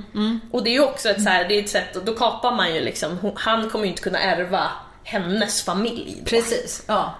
För det där är ju ett problem. Det är ju egentligen fram till idag när man förväntas sköta sin egen vara sin egen lyckas med. Liksom. När du inte behöver ärva familjegården för att överleva. Som man lite har kommit ifrån det där. Men innan är ju det ett stort problem. Att man behöver dela, om man, får, man behöver ha många barn men man får inte ha för många. Alltså det är liksom, det är lite knev, knivigt. Verkligen. Men han, han går ju och dör i alla fall. Ja, go. Eh, Amenemhet den fjärde, Higan. Och då är det Sobek Nefrus tur, Äntligen. äntligen, att sitta vid makten. Och eh, i och med att vi inte vet exakt när hon är född, Nej. Ja. så vet vi heller inte hur gammal hon är när hon tar över makten. Nej. Nej. Nej, alltså vissa säger ju ja, hon var relativt ung, runt 20. Andra menar att hon var gammal, alltså runt 35. Ja, det är fan gammal. Då är, ja. ja, det är exakt, ja det är vår ålder. ja. Ja, precis. Nej, men, ja, men- men det är också så här. För då ska man försöka räkna, okej, han sa, pappan satt si och så länge, men hur länge var han så här fertil? Han kan ju ha fått barn hur sent som helst. Vi Alltså, vet inte vem hans mamma Nej. är. När, alltså, Nej. ja. Mm. Så att... Eh, men, men om hon nu skulle varit 35, Ja. då så kommer hon förmodligen, då har hon förmodligen inte hunnit bli gravid, föda ett levande barn, uppfostra det och sen överleva till att lämna över makten. För som sagt, många egyptier dör när de är 30, vilket innebär att du får barn när du typ är 14. 14-15 får du barn. Så. Och får du makten när du är 35, då lever du redan på lånad tid. Ja. Och det blir ju, idag vet vi att ju äldre en fertil kvinna är, desto större sannolikhet är att hon vid ägglossning släpper fler ägg. Så därför blir kvill, tvillinggraviditeter vanligare ju äldre du blir. Men tvillinggraviditeter är också en högriskgraviditet. Idag i Sverige är ju det, liksom, det går ju oftast jätte, jättebra. Men det här är ju ett helt annat läge i Egypten. Så det blir ju också lite mer riskfyllt att vara gravid. gravid. Det kanske man inte har koll på men men liksom fertiliteten är ju oftast, det är oftast enklare att bli gravid lite tidigare. Om vi nu också då pratar, liksom, det här är 4000 år sedan. Så att, och det, det anledningen till att det här är ändå viktigt, var hon 20 eller var hon 35? Det, måste ju, det är ju hur ser man på henne alltså, Ja. i, i hovet? Ser man på henne som, okej, vi behöver bara ha en farao nu tills vi kan hitta någon annan. Okej, här har vi Sobek Nefri, hon är ändå gudomlig, vi tar henne. Hon är säkert också kompetent. Liksom. Man tror väl inte att hon är en idiot. Vi tar henne, vi vet att hon antagligen inte kommer kunna sätta någon själv på makten, men då hinner vi lösa problemet. Eller tror man så här, men hon är 20. Det hinner bli ett barn här. Det här löser vi. Liksom. Det, är, det är två helt olika situationer. Ja. Vilket gör det jättesvårt sen att tolka det. För att, som sagt, vissa forskare tror att hon är 20. Det, här, liksom, det är därför man sätter henne på makten. Och andra tror att hon är... Och sen, sen ska vi inte, alltså det skulle ju kunna vara att hon har tagit makten själv. det kan också För vara det, så att det hon har också tagit makten har själv. hon inte andra syskon eh, i livet, för pappa har suttit så länge Ja. innan han dog, har hon så pass små syskon och om hon har en lojal följarskara, Mm. då har ju hon plockat det här själv. Ja. Och sen, that's it, jag bestämmer nu. Ja. Men i och med att hon ändå får sitta, alltså hon sitter vid, vid makten Mm. i nästan fyra år. Så, så borde det finnas något typ av stöd. Jo men jag tänker så att hon kan ju ha varit så poppis också. Absolut. Alltså så omtyckt Ja, att hon bara, nu kör vi. ja, men man kan ju, om du sitter då som i det ledande skiktet vid sidan av, du är inte av den kungliga faraoniska familjen men du är högt uppsatt. Så kan det vara mycket, mycket bättre med att du ser, okej här är ändå en kompetent kvinna. Eh, kvinnor är ju inte så superbra, men sure. Hon är rimlig. Bättre med henne än att det ska bli en maktstrid. För det är inte så långt ifrån den här mellanperioden som vi nämnde i början. Nej. Där det, där det är strider. Man vill liksom inte ha, man vill inte ha inbördeskrig, man vill inte riskera det. Nej. Och hellre hålla det inom familjen så att säga. Men verkligen. Så att, ja, vi, vi vet inte hur gammal hon var, vi vet inte exakt hur det gick till när hon Nej, fick, eller så- tog, eller bägge makten. Så. Så otroligt frustrerande. Ja. Men alltså en av anledningarna till att vi inte vet så himla mycket om henne, om hennes familj, om dynastin och hela perioden. Det är väl liksom att perioden tar ju slut med henne. Ja, Ja. hon är sist. Yes. Ja. Och det finns ju ingen självklar person att då liksom boost her image efteråt. Nej. Nej. Nej men precis, för, för det, det är också någonting som bestämmer hur mycket vi vet om folk. Lyfter man dem eller försöker man förstöra minnet av dem Ja. efter, efter, sin, efter deras död? Liksom? Precis. Eller förstör. eh, Till och med bara låter det liksom falla bort. ja, Ja, du behöver inte göra någonting egentligen. Nej, Nej, precis. verkligen. Och, och det är ju lite, i forna Egypten så är ju efterlivet väldigt, väldigt viktigt. Man, man skulle ju ha en kult kring faraon, alltså så här, efter döden. Men finns, alltså det, den självklara som ska fixa allt det här efter man har dött, som ska se till att man blir ordentligt begravd, att det inte kommer in några gravplundrare, att det liksom är skött snyggt. Det är ju den som efterträder som förhoppningsvis har en koppling till dig på något sätt och, och liksom vill legitimera sin egen makt genom att upphöja dig då som Precis. föregångare. Men eftersom att det inte verkar finnas här så är det inte så konstigt att vi, vi vet liksom för lite. Eh, och jag menar, det är ju inte så att hon styrde i 40 år. Nej. Hade Då hon styrt i läget 40 sett år hade vi ju säkerligen haft mer. Ja. Men då skulle hon hinna köra sin, sitt eget liksom, PR-race på ett helt annat sätt. Ja. Hon styr alltså nästan fyra år för 4000 år sedan. Alltså, Ja. right. det är liksom, alltså när man säger det låter det så jävla dumt. Ja. Men så bara det att vi vet om henne är väldigt bra. Ja, gud, Alltså det, är bara ju, det, liksom. det är ju fantastiskt. Ja. Så att, Vi vet att hon fanns, vi vet att hon gjorde grejer, Ja. men, men det, det är liksom inte... Det är lite lite det vi har. ja, Ja. tyvärr. Vi nämnde lite, eller jag nämnde lite snabbt att hon kanske ju faktiskt inte var först. Och Det är väl ganska Knäffrö. otroligt att hon skulle varit först med Ja. tanke på att vi är inne i tolfte dynastin nu. Precis, det har ju gått lång tid. Hon är inte den första kvinnan som sitter på makten i Egypten. Eh, innan henne så har vi från första dynastin, alltså typ tusen år innan, så har vi då Neit Hotep och Merenit. Eller Merenit. Det är lite svårt att uttala de här namnen. De hade, de hade ju inga vokaler va? Nej, precis. Som, som vi har belägg för att det här är personer som har funnits. Om vi då tar Neit Hotep. Hon kan ha varit medregent med sin make, som då troligen var faraon Hor-Aha, en av de första faraonerna. eh, Alltså verkligen, verkligen tidiga forna Egypten pratar vi om nu. Men hon kan också även ha regerat själv. Återigen, det här, nu är vi 5000 år tillbaka i tiden. Det är lite svårt att veta. Den andra kvinnan, Merenit, eller Merenit, vet inte riktigt. Hon vet vi regerade för sin sons räkning. Hon var alltså mamma till faraons son. Men han var för liten för att ta makten så hon klev in som, som regent. Det har vi sett liksom genom historien i alla år. Ja. Så officiellt var hon medregent men alltså, det var hon som styrde. Så.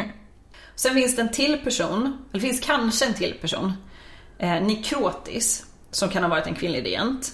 Hon nämns bara väldigt, väldigt, väldigt mycket, mycket senare källor. Alltså nu pratar vi grekiska källor. Så antingen är hon en grekisk legend, eller så har hon funnits. Så. Men det är väl samma, samma läge liksom. Eh, att hon var regent åt någon annan.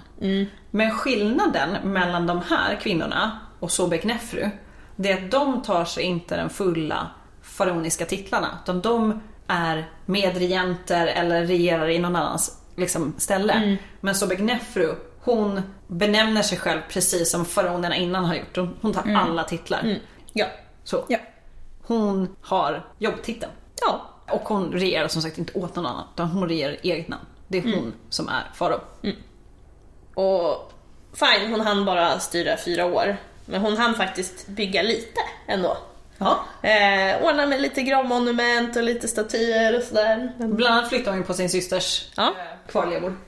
Så att... Eh, men, men som sagt, alltså just arkeologiskt till, till forskare 4000 år senare, well, mm, det är lite skralt sådär, mm, ska jag säga.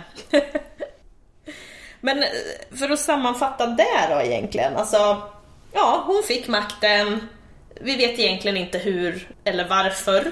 Som sagt, vi, vi har haft lite teorier då om eh, Amenemhet den fjärde, var de, var de gifta, hade de barn, hade de inte barn, Va, fanns det ingen som kunde ta över? Alltså ja, hela den röran som vi gick igenom. För men, vi har ju ändå bevis på att man har satt unga pojkar eller unga män på makten. Tutankhamon var ju väldigt ung när han kom till makten. Så att fanns det en sån hade man ju kunnat lösa det så. ja, Till exempel. Men det gjorde man inte. verkligen. Ja, det kanske, kanske att det fanns en son till honom fast med någon annan Eh, och den kvinnan kunde inte liksom trycka in honom efteråt utan då var det Sobek Nefru som bara hell no. It's my turn, it's my Ja, time. ja. Eh, det- skulle ju kunna vara en grej också att, eh, att och om hon är så pass populär, det är ju det, om hon Ja. var populär, om folk tyckte om henne, då är det inte helt otroligt att man hellre väljer henne, speciellt om antingen om hon är 20 eller 35, jämfört med en unge som kanske är 8-10 år. Men det som är intressant, farao Hatshepsut som kommer senare. Hon är ju också en sån situation där hon faktiskt regerar åt en son men inte sin egen son. Nej. Utan det är ju hennes makes son med en annan fru. Men hon tar den makten som kanske borde ha varit den här sonens mamma. Ja. Men den tar hon. Så att, Och även om hon styr åt någon annan så hon benämner ju sig själv Ja. farao och hon låter avbilda sig som Hon- farao med ja. skägget och hela alltihopa hon, liksom. Så eh, Hatshepsut börjar ju som, nej jag, jag bara styr i hans namn och sen bara hell no. Det här är mitt. Eh, Hon sitter lite längre. Ja. Vi kommer anledning att komma tillbaka till henne Ja. i andra avsnitt. Ja. Det finns ju en, en, ännu en teori om hur eh, Sobeknefer, hur hon fick makten. Det är att hon helt enkelt, hon kuppade till sig makten före två biologiska söner till Amen Amenemhet. Namet. Jag vill säga Amen Hemnet. Ja men det är ju för att man säger eh, ja men Hotep typ eller så ja, alltså, ja, ja. Det, det- ja. det blir helt fel i min ja, hjärna. nej men verkligen. Men att hon skulle kuppa till sig Mm. makten före två söner. Och de här två sönerna kanske har fötts innan han kom till makten. Mycket oklart. Ja, Och, de, och det tror man ju då för att efterföljande faraoner alltså efter Sobek Nefru. Ja, Ja. exakt. Amenemhat. Okej, nu byter vi. Nu är det inte Amenemhet här utan nu har vi Amenemhat Sobek Hotep. Mm. Amenemhat Sonbef. Och Amenemhet skrivs ibland Amenemhat eftersom att man som sagt Ja. inte har några Vokaler. vokaler. Så att, ja. Så att, ja men de här då, två som, som följer henne, Ja. är ihopkopplade med Amenemhet den fjärde och därav skulle det kunna vara så att de är hans eh, söner. Bland annat av namnen. Ja, Alltså, sen, en sen kan ju sånt också vara ta, alltså, Ja. taget. Om man börjar Om läsa de, om, om de här... nu skulle vara släkt på annat håll också eller så. Liksom. Om man börjar läsa om de här två, Amenemhat Sob- Sobekotep och Amenemhat Sonbef, så är det Alltså det är, det är så rörigt så att vi ska inte ens liksom först, alltså det, man sitter där och bara, va? Jaha, nej, eh, va? Alltså, det Och då har det skrivits om folk som har forskat på det här i typ 20 år. Ja, och det, ibland är det lite så här. Vi tror att han levde på den här perioden på grund av den här inspektionen. Men det här skulle också kunna syfta på en farao som levde 300 år senare. Så bara, uh, okej. Så det, den här Ja kopplingen är väldigt svår att faktiskt bekräfta eh, och dra. Vilket ju gör att vi kan det är, en, det är en möjlighet. Hon kanske kuppades till makten före någon son. Eller så var hon skitkompetent och populär. Ja. Eller så hade man inget bättre alternativ. Nej. Alltså, we don't know. Eh, no. Det är lite tråkigt om man inte bara kan säga så här var det. Men, men eh, Jag tror att det får vara tema, så vi vet inte. ja. Nej. Temat för avsnittet. Ja, men lite. We don't know. Det är allt är kvalificerade gissningar som eh, forskare har gjort. Ja. Ja. Och de eh, gissningarna går isär. ja. Ja. Och det, ja, men vi har ju nämnt det här att, att liksom en anledning, eller en, en teori som, som vissa forskare framhåller, en anledning till att det under forna Egypten ändå är relativt många kvinnor som hamnar på makten, vilket som sagt inte riktigt finns paralleller med den andra liksom medelhavsvärlden. Det är bland annat det vi pratar om, alltså just det här med att man ska hålla makten eh, inom familjen, behålla den här stabiliteten mellan den faraoniska familjen och övriga liksom, toppskiktet. För att Egypten, det är lite annorlunda, man har lite andra förutsättningar. Men delar i det här är ju också den religiösa eller den gudomliga aspekten. Om farao är gud och faraos barn är gudar, eller liksom gudomliga, även då döttrarna. Då är det kanske bättre att bara låta den släkten dö ut helt innan man sätter in en ny släkt. Ja. Alltså sådär, du, ska, du har ändå ett förhållande till gudarna som vi kanske inte är vana vid. De är ständigt närvarande. Ja. Och då är det kanske av den liksom, religiösa skäl kanske enklare bara, okej, även om vi inte tror att det blir så Nefru kommer inte få barn. D- Släkten dör ut med henne, men då har, vi, då har den dött ut. Då har vi inte kunnat göra något mer. Liksom. Då kan vi sätta in någon annan. Då är det lugnt. Och då behåller vi också lugnet, välståndet. Ja. Vi behöver inte ha ett inbördeskrig. Speciellt inte om vi har lyckats expandera riket och kanske måste vakta gränser på ett annat sätt än vad vi har behövt göra. Om vi då har Precis. instabilitet på insidan, då, då kan det snabbt kollapsa. Och Egypten har ju väldigt mycket diplomatisk kontakt med andra riken runt omkring. Och där, alltså man har ju inte en värld som vi har idag när man liksom ser på nyheterna vad som händer på andra sidan världen. Med liksom några timmars fördröjning Nej. bara. Men man har fortfarande koll på vad som händer. Och i många andra riken så är det ju ganska blodiga strider om tronen. Ja. Och det är kanske något man har i sitt medvetande. Det är Ja. inte helt orimligt Nej, att tro verkligen. att man liksom, mm, har med sig det. Men det som gör att så, man brukar kalla Sobeknefru för den första kvinnliga faraon är ju att hon tar sig de fem faraoniska namnen eller titlarna. Och hon- det är hon den första kvinnan som gör. Faraos fem namn, som liksom alla faraoner från ungefär från den här perioden har. Man tar sig namn. Liksom. är liksom en, en namnstandard som utmärker dem. Vi ska dra det lite snabbt då. Så är det Horusnamnet som var först och det är äl- det äldsta namnet, alltså det som man kan spåra längst tillbaka i från Egyptens historia. Sen kommer Nepti-namnet och det är bokstavligen de två härskarinnorna som visar att man är farao över övre och nedre Egypten. För det var ju två riken från början. Ja, och eh, då ska vi säga att övre Egypten ligger söder om nedre Egypten för att Nilen rinner Uppåt Ja. i hur vi ser kartan. Ja. Ja. ja, och det är vi som har bestämt vad som är upp och ner. Ja. Det är ju faktiskt det. Ja. Så att, ja. Den, rin- den rinner från söder in i Medelhavet. Yes. Och, och det liksom markerar att man, man är härskare över de här två delarna. Och sen så har man Guldhorus-namnet. Man vet liksom inte vad syftet med det namnet är, men, men det finns. Och guld är ju en, liksom, det är synonymt med evigheten i Egypten. Eh, Så det kan ha någon koppling till att farao ska leva för evigt. Sen är det då regentnamnet, eller tronamnet. Och det är ju oftast det namnet som då skrivs i den här kartuschen. Och det är det som vi oftast pratar om. Eh, Det är det som vi tilltalar dem som, om, om vi pratar om dem. Och sen så har man, det sista namnet, det är ju det som man får vid födseln. Ska vi ta Sobek Nefruns namn då? Bara för att hon är först, Yes. tycker jag. Alright. Nu ska vi Okej. se om vi kan hålla tungan rätt i mun. Okej, det här är inte helt lätt, vi får se. Merytre, Det var namnet. det är namnet. Sat Sekhem Nebet Tavi, namn två.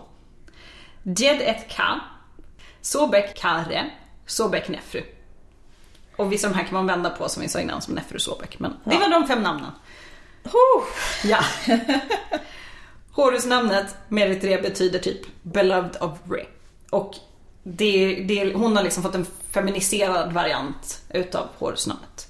Hennes Nepti-namn är ju då också en feminiserad variant utav den här ganska standardiserade. Så är the daughter of the powerful one is now mistress of the two lands. Vilket är alltså en koppling tillbaka till hennes pappa. För hon kör stenhårt på att Ja, men det är inte så konstigt att hon gör det heller Nej. alltså. Nej. och sen hennes guldhårsnamn betyder the one stable of appearances. Exakt. Hon bara, ni kan lita på att jag, eh, I'll show up. Ja. Jag hanterar det här nu, okej? Fix. I'll, I'll fix it. Och hennes regentnamn, Sobek Kare, betyder the life force of Sobek is Re. Ja. Och så hennes födelsenamn har också koppling till Sobek. Hon är första faraon som har ett eh, namn kopplat till just guden Sobek. Liten Men det är inte så konstigt om det var pappas favoritgud. Ja. det måste ju nästan ha varit det. Ja. Ja, och så, så, alltså, ja, det, är det, det går ju igen hela tiden. Pappa, pappa, pappa, pappa. Ja. Ja. Alltså i allt, allt hon gör. Ja. I namn, i liksom, ja. Så att, och jag menar, han styr och det går väldigt, väldigt bra. Det är inte konstigt man vill koppla ihop sig med honom. Och om han var poppis till råga på det, alltså det är liksom, det säger sig självt. Ja. Och hon har ju en annan position än en man som hade hamnat där. Ja. Hon måste ju kämpa lite hårdare för, för att ha, visa på sin rätt till makten. Ja, men precis. Som när hon, hon färdigställer ju sin fars eh, pyramidkomplex och såg såklart till att hennes namn syntes lika mycket som hans. Ja. Vilket säger ja, det är ju jättesmart. ja, ja, ja. Verkligen. För att vid de här pyramidkomplexen går man ju och offrar. Så Ja. det här är ju sånt som folk Ja. ser. Och hon lät ju även gudaförklara sin, sin pappa och upprätta ett tempel åt honom. Också skitsmart. Och d- det här var ju då nytt. Det är inte helt enkelt. Nej. Nej. Men eh, ja. Och alla far- faraoner var ju såklart gudomliga. Och efter att de dött var de ännu mer gudomliga. En sån här gudomlig plus. Ja, men lite så. 2.0. Men nu så gjorde hon ju honom till en gud helt och hållet, så rent upp och ner. Ja, för det är ju faktiskt en helt annan sak. Ja. egentligen. Att, ja ah, sure du är gudomlig och nu lever du och är farao i livet efter detta. Men att göra någon till en regelrätt gud med ett och tempel. liksom. Ja. Och den här kulten som hon skapade där fick ju också mycket mark för inkomst. Och hon blev ju själv kultens överprästinna, of course. Det är smart. Alltså, Det är skitsmart. Alltså hon är ju sjukt smart. Ja, ja, ja. Alltså fatta vad hon kom, alltså fyra år. Ja. men hon vet ju vad hon ska göra för att hålla sig vid makten, hålla sig Ja. poppis. Och det här är också anledningen till att hon kanske var gift eller syster till den här Amenemhet den fjärde men att vi inte ser det. För att det är inte relevant. Hon, det är liksom inte smart rent, vad ska vi säga, kalla det PR-mässigt. Utan det är ju kopplingen till pappan som är det givna spåret. Men verkligen. Och det, det är lite roligt för det går ju verkligen igen i att eh, hon, hon, eh, vi vet, vi har inga liksom bevis på att hon skulle färdigställt eh, Amenemhet fjärdes gravkomplex. Det är såhär, fuck that guy. Han kan bo i en halvfärdig grav, det är helt okej. Och, och som, som vi sa, hon, hon gillade ju att sätta sitt namn bredvid sin pappas namn.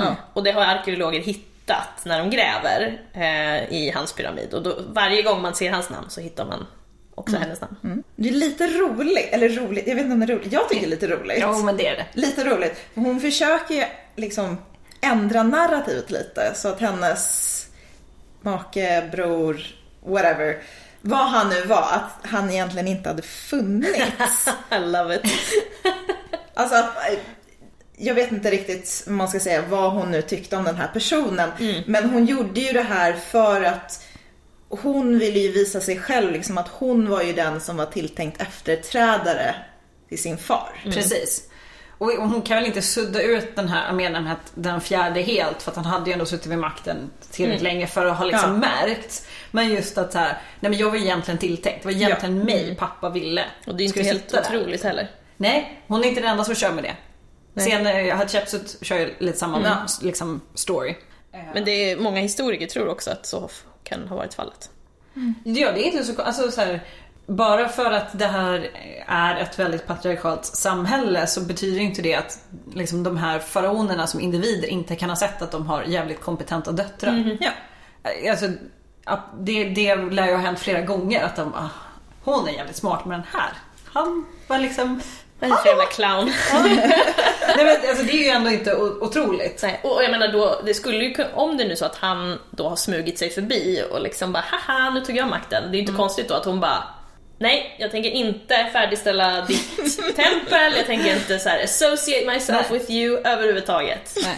Det är liksom ett stort fett middle finger Ja. till honom. Ja. Och sen är, finns det ju någon sån här, liksom, tror jag, känsla i, i, i Egypten av att, att, att liksom, om du är faraons fru så är inte det nödvändigtvis lika starkt som att vara dotter. För att Nej. som dotter är du mer supportive av det här liksom patriarkala systemet. Ja. Men är du fru då kan du ju ha ett barn som du hellre vill premiera före din Ja, make. sant. Så att liksom att dra den kopplingen samma sak med syster, men är du liksom mamma eller dotter, då är det mer rakt på att du vill egentligen bara väl för den Ja, sant. makten. Och Det är så, som vi har sagt, det kan ha funnits hur många fruar som helst. Ja, Ja. precis. Faktiskt. Ja. Så, så det är liksom ännu bättre att utmärka sig med de titlarna och liksom den kopplingen är starkare. Det är liksom ett bättre kort att spela på helt enkelt. Ja. Men verkligen.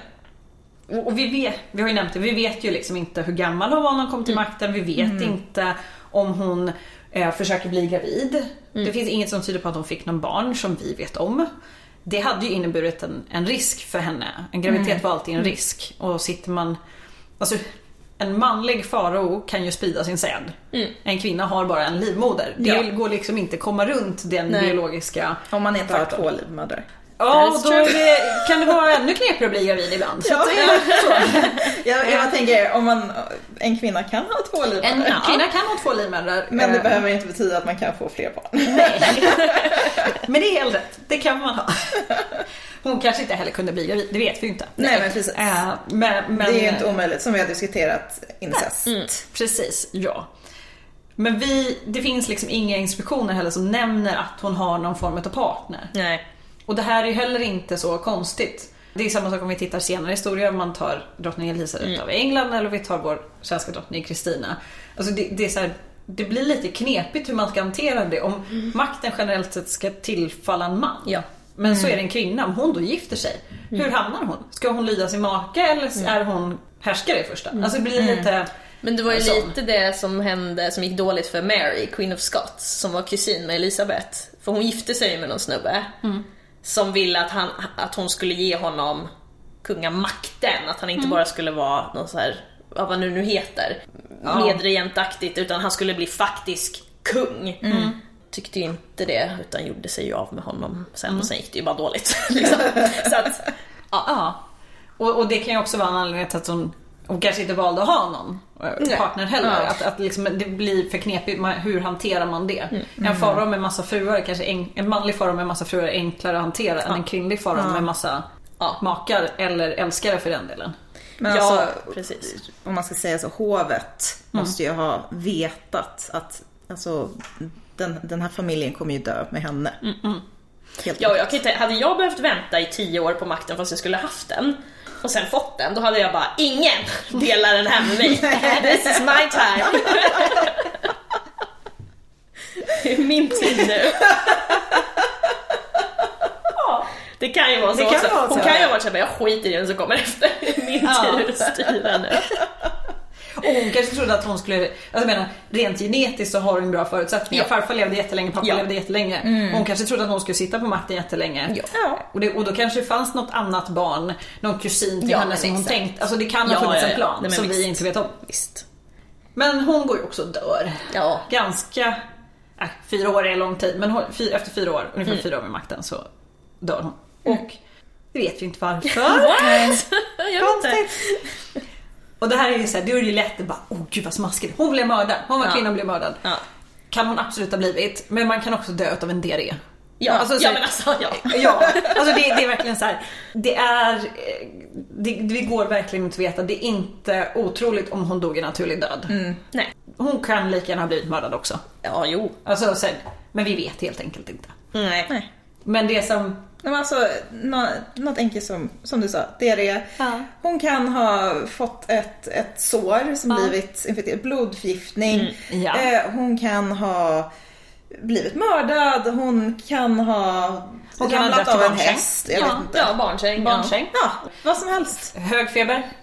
Alltså- det står ju inte nedskrivet, så vi kan ju inte veta. Nej. Nej. Ja. Men så, som ni säger, alltså man kan ju dö av att typ, ja, men snubbla på en sten. Alltså, ja, men på den tiden, Ja. liksom, ja, det blev ett så här, två millimeters skärsår på av den där stenen och sen så bara tvärdog hon tre dagar senare. Liksom. Ja. Och sepsis är ju verkligen Ja. alla möjliga andra sjukdomar. Alltså, så, Ja, alltså, och det, det säger vi ju i vårt sanitetsavsnitt. Nej men att, att eh, standarden under den här tiden, det är ju att vara sjuk på något sätt. Ja. Alltså att vara helt purfrisk är ju ett mirakel. Ja, det som vi tar för givet idag med alla våra mediciner och all vår avancerade sjukvård, Ja. det är ju ett privilegium deluxe. Ja, ja. Deluxe. Verkligen. Absolut. Så att ja, hon är död. That's it. Men det jag tycker är lite roligt, man har troligen hittat hennes påbörjade pyramid. Som inte har blivit färdigställd. Återigen för att det liksom inte fanns, verkar inte finnas någon säker koppling. Det finns ingen som liksom kan göra det åt henne. Nej. Men man har hittat en stele, alltså med inskriptioner, som tyder på att det funnits en kult för henne där. På den platsen. Och om hon har haft en kult, det betyder ju att hon inte bara har så dött och bara "Här, vi slänger henne i floden. Det här var lite pinsamt. Nej, Utan då har ju hon fått en liksom ordentlig begravning. Ja, Även om ja. vi inte kan se det. Så har det, hon har ändå hanterats respektfullt efter sin bortgång. Ja. Och det skulle ju kunna då indikera att hon, hon liksom hade någon typ av popularitet och att hon kanske då inte blev mördad utan hon dog utav varför i annat Ja, hennes skäl, liksom. PR funkade tydligen. Ja. Det- Ja, absolut. för, för det är också så här att ha en kult tillägnad sig, ja, det vet vi ju inte om den fanns när hon levde. Vilket då är ganska troligt att det gjorde, om det inte finns någon efterlevande som liksom premierar henne, utan då har hon startat en kult till sig själv när hon levde liksom. Det här tror jag är en sån eh, kult för hennes ka och ba. Alltså för, Ja, okej, sån här- efteråt, för, ja. ja, eh, för, för hennes efterliv. Men då är det spännande, undrar vem det var som startade den då? Ja men det kan ju, det kan ju vara alltså, liksom, med kopplingar till hovet och som sagt det kan ju ha funnits en, en plan att den som skulle ta över Ja, man kan ju ha satt upp det själv också, man vet Ja, inte. nej. vi vet inte. Men, men eh, det verkar som att hon ändå fått, hon behandlades ändå respektfullt Mm. liksom, efter sin bortgång. Det finns några statyer har hittat. De flesta har dock inget huvud. Tidens tand och... Eh... Men det är också vanligt att man, man tar en staty, antingen hugger om ansikten eller anpassar. Så att det kan vara sådana grejer också, att det liksom försöker göra om dem. Eller, ja. eh, så att varför de är huvudlösa, det vet vi. Det kan vara osagt liksom. Ja. Men det man ser då, även fast hon inte har något huvud, så har hon blandat det här som är feminint, alltså som är traditionellt feminint, med det som är traditionellt faraoniskt, alltså väldigt manligt. Exempelvis att hon, när hon är avbildad med en typisk kvinnlig klänning, men har en så här manlig kilt över den. Och sen att man kan se att hon har bröst på statyerna. Så, och det är lite som Hatshepsut också, att hon, i och för sig vet jag inte om hon tar bort brösten på sina Det, avbildningar. det, ja, men det går lite, alltså, i början inte så mycket men sen blir hennes avbildningar mer och mer vad man ska säga traditionellt då maskulina. Ja. Och hon, hon, som Emily nämnde, har ju liksom det här, avbildat sig med det här traditionella faraoniska lösskägget. Det kan man inte se på Sobek Nefrus. Nej. Utan där verkar hon mera så här kört, okej, här är jag kvinna men det här är de typiska farogrejerna så jag tar dem också. Och sen då, ja, i och med att hon dör, då tar perioden slut. Ja. Fast så tänkte man ju inte då. Nej, Okej, mellersta riket, nu tar, vi, över! Det är... nu tar vi en mellanperiod, vi kör lite stökigt, det blir väl kul. Det som verkar ha hänt under hennes regeringsperiod var att Egypten verkar drabbas utav eh, lite eh, torkor. Alltså att det blir Ja, problem med den här översvämningen från Nilen. Och det är väl också en av anledningarna till att den här perioden kommer ta slut. Att det liksom blir svårare rent eh, det, det, händer, det sa- händer saker Ja. eh, runt omkring, inte bara i Egypten utan även utanför som påverkar perioden. Ja, det var Sobek Nefru. Mm. Hon var ju inte först och hon var absolut inte sist. Nej. De mest kända är väl Kleopatra den sjunde, Mm. såklart. Och Hatshepsut. Nefertiti är ju känd men hon var inte farao. Kanske. Troligen inte. Nej, men, men nej. Hon, kanske. var drott, hon var i alla fall drottning. Hon var i alla fall drottning. I alla det var hon. Och vissa tror att hon också var farao. Men äh, Ja, ja, det är ju ja, bevisbörda eller bevisläge och Precis. sådär. Ja. Yes, Men äh, hon är spännande ändå. Ja. Verkligen. Så det var ett bra önske. Bra önskeavsnitt ja, Det- absolut. ja. Ja. verkligen. Ja, det är, lite, det är kul när, när det kommer in så här önskningar. Så önska mer! Ja, önska gör mer. Och om, om ni gör det så kan ni mejla oss på poddiskastis.gmail.com eller skriva till oss på Instagram eller Facebook. Precis. Och så svarar vi också. Ja men det gör vi såklart. det det gör vi alltid. Men man kan även höra av sig om man har frågor eller funderingar eller Ja. vill säga hej. Kan man säga hej? Så svarar vi hej. Ja. Men med det sagt så säger vi Tack för idag och på återhörande.